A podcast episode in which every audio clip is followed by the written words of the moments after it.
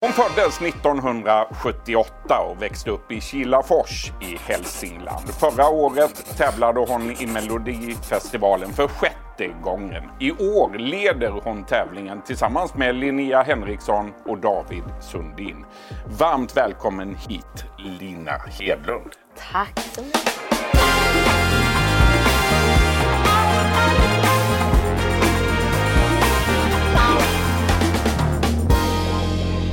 Lina, nu ska vi prata om Melodifestivalen. 2002, då tävlade du för första gången. This is a big time Ramalan party going on Så gick den låten. time. Visste du inte det? Jo, det visste jag. Jag var där. Jag var på plats. I remember you.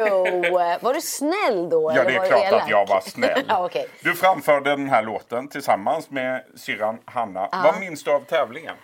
Eh, och jag minns att vi, var, att vi bråkade, jag och Hanna. Ni bråkade? Ja, herregud. Efter det tog vi beslutet att så här, nej, men vi ska inte jobba ihop. Det går Oj. inte. Vi fick liksom, idag är det något annat. Idag har vi vux- vuxit upp båda. Vad bråkade ni om då? Nej, men du vet, systrar. Vad fan, vi var ju unga och inte klara. Vi hade väl massa som låg där under. Liksom. Det vart, jag tror också att vi, när man känner varandra så väl så kunde man inte heller hålla någonting för sig själv. Utan man väldigt så här, och vi är båda ganska så öppna och Mm. inkännande mot varandra.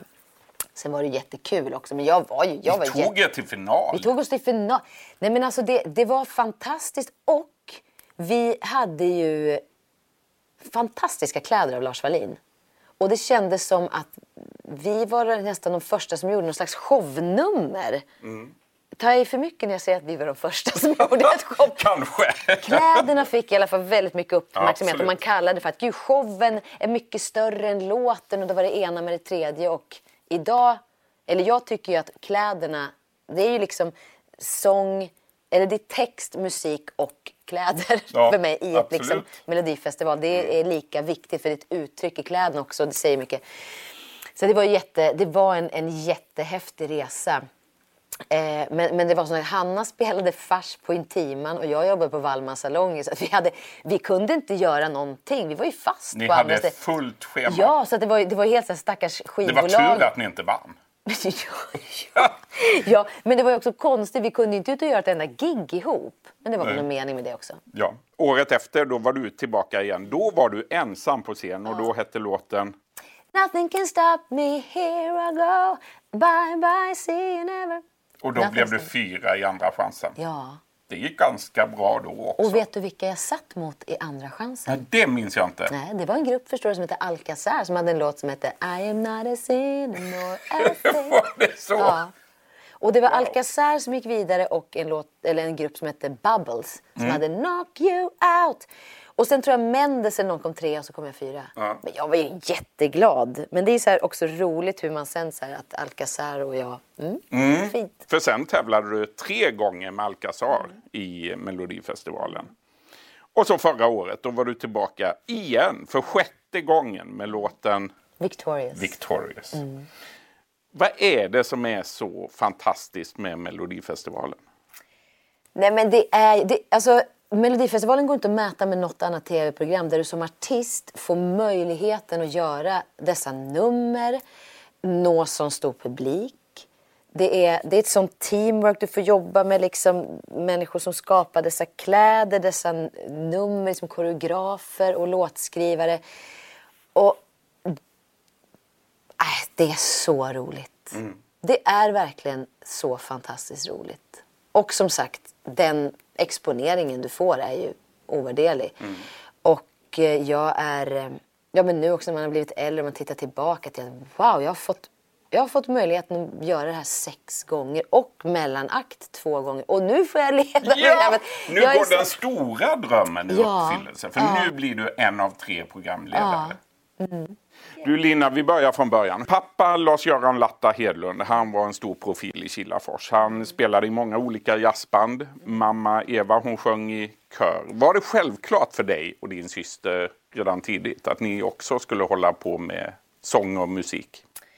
Ja, men det var självklart att det, det fanns ju alltid musik hemma. Det var alltid musik och man sjöng i kyrkokören och pappa satt alltid och spelade och sjöng med oss visor. Allt från, eh, från eh, Taube till, till liksom alla jazzklassiker. Eh, Men sen var ju jag en väldigt sporttjej när jag var liten. Det var ju som sagt fotboll, handboll och så hästarna då. Så hästarna var ju mitt, mitt liv verkligen. Och så var ju Hanna tre år äldre och hon var ju sådär, började tidigt i pappas jazzband. Och jag var nog, jag var också väldigt blyg. Och hamnade, jag tog inte riktigt den platsen så som Nej.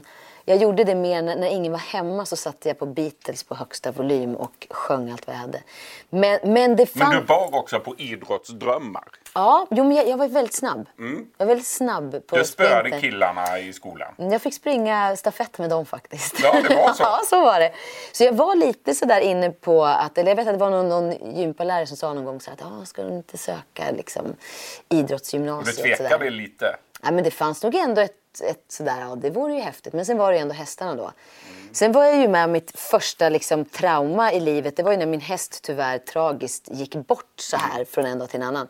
Och det kan jag se idag som ett slags vägskäl. Att det hade varit lite så här. Hade inte det hänt så kanske inte musiken hade fått tagit en plats. Det var meningen att den skulle få göra, vilket är ju bevis på idag. Så att inget ont som inte har något gott med sig. Så. Verkligen så. Mm. Efter högstadiet då, då hamnade du på musik och teatergymnasiet. Ja. Och där gick också Nassim Al Fakir. Han pluggade också där. Nej, Nej. nu har du fel info Niklas. Han gick på folkhögskolan Jaha. i Bollnäs. Och pluggade musik Och där. pluggade, ja. Men ni pluggade inte på samma ställe? Nej, vi pluggade inte på samma ställe. Utan Men han... ni träffades ändå Ja, redan under ja. eh, gymnasietiden? Precis. Jag gick sista året på musik och teatergymnasiet och då gick Nassim på folkhögskolan. Mitt sista år. Då, eh, så då träffades vi Mm. och hade en liten romance. Det blev en fling Ja, det blev en fling. Jag sprang Mm. där ute på Folkis. Kärlek vid första ögonkastet. Ja, men det är häftigt idag. Det var ju, för det var ju 97 då. Mm. Och sen sågs vi inte förrän 2009. Och då hade vi ändå bott i Stockholm. Jag flyttade hit 99 och han är från Stockholm. Så då, då bodde vi i samma stad i tio år men stötte aldrig på varandra. Och sen så hade vi en intervju med Alcazar faktiskt, på radiointervjun. Och då var han programledare. Och då tänkte han, nu släpper jag henne aldrig.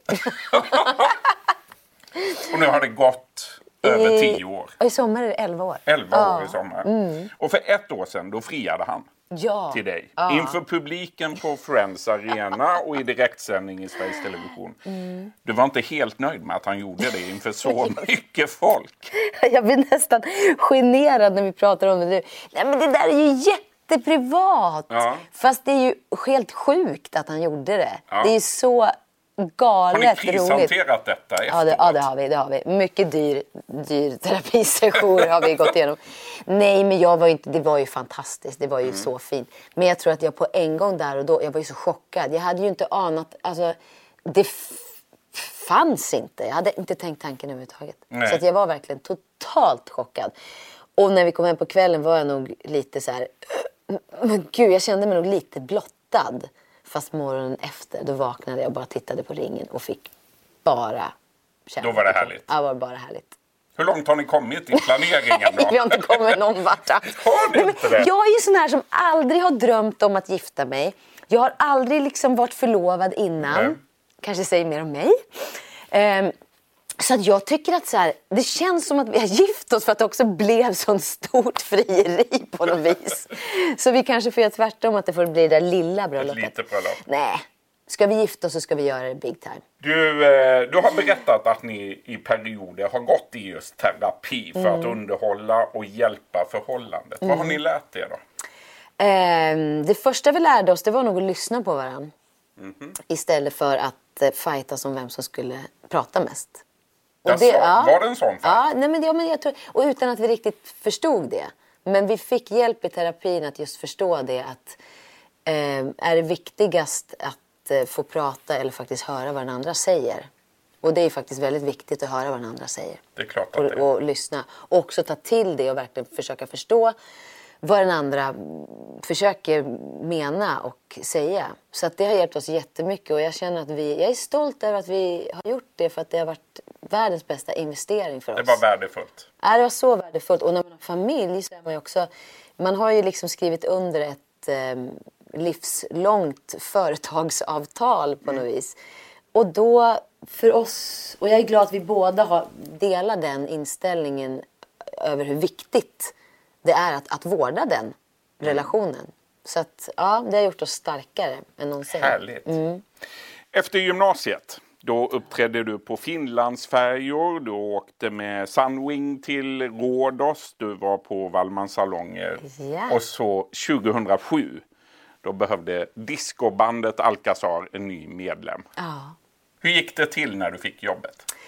Det gick till exakt så här. Jag kände ju Andreas lite grann, jag Tessan också lite grann. Men Andreas och jag vi kunde ändå hänga och vara ute och parta lite grann.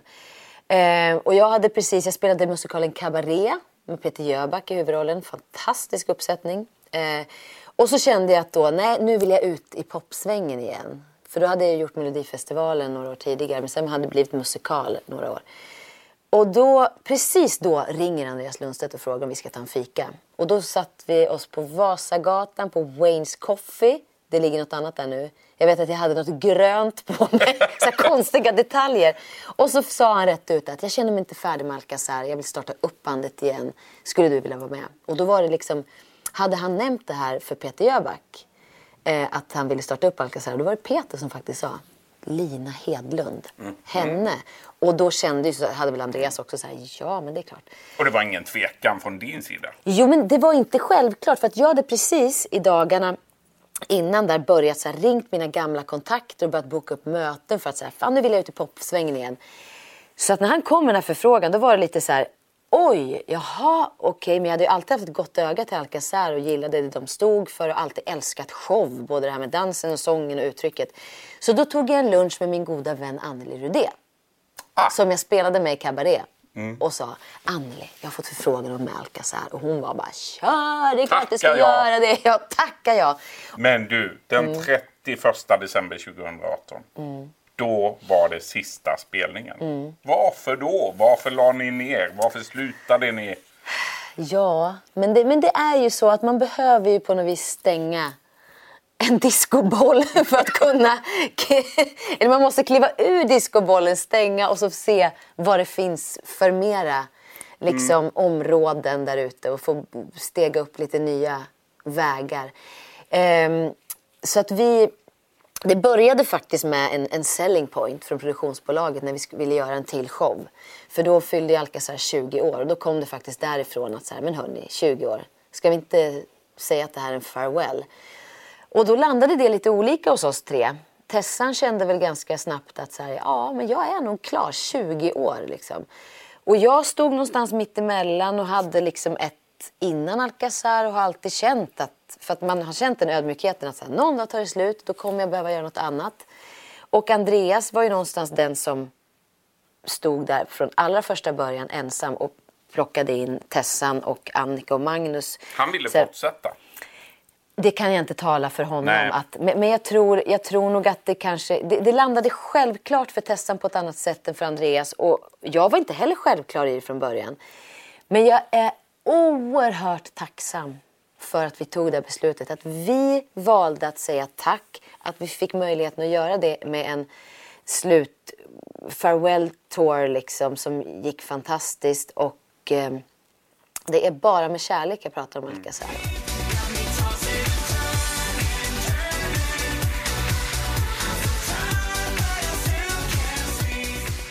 Till sist då Lina, har du någon förebild bland alla programledare som har lett det här programmet före dig? Ja, det har jag. Men det finns ju många. Men den som dyker upp i mitt huvud först, det är Petra Mede. Ja, jag tycker att Petra är... Jag har alltid gillat henne skarpt. Jag tycker hon är, hon är vass. Hon kan vara liksom grov. Och hon, jag tycker hon tar, tar upp det som händer i rummet. Det känns som en... Hon liksom är manusstyrd men alltid med en spontanitet och en så här glimt. Och jag känner mig alltid så här, okej nu är det Petra. Nu lutar jag mig tillbaka och känner mig trygg. Linnea Henriksson Ja! och du och David Sundin. Yay! Hur funkar ni ihop? Vi funkar så bra. Jag älskar dem. Det känns så, det har känts från första gången så här, yeah, det här.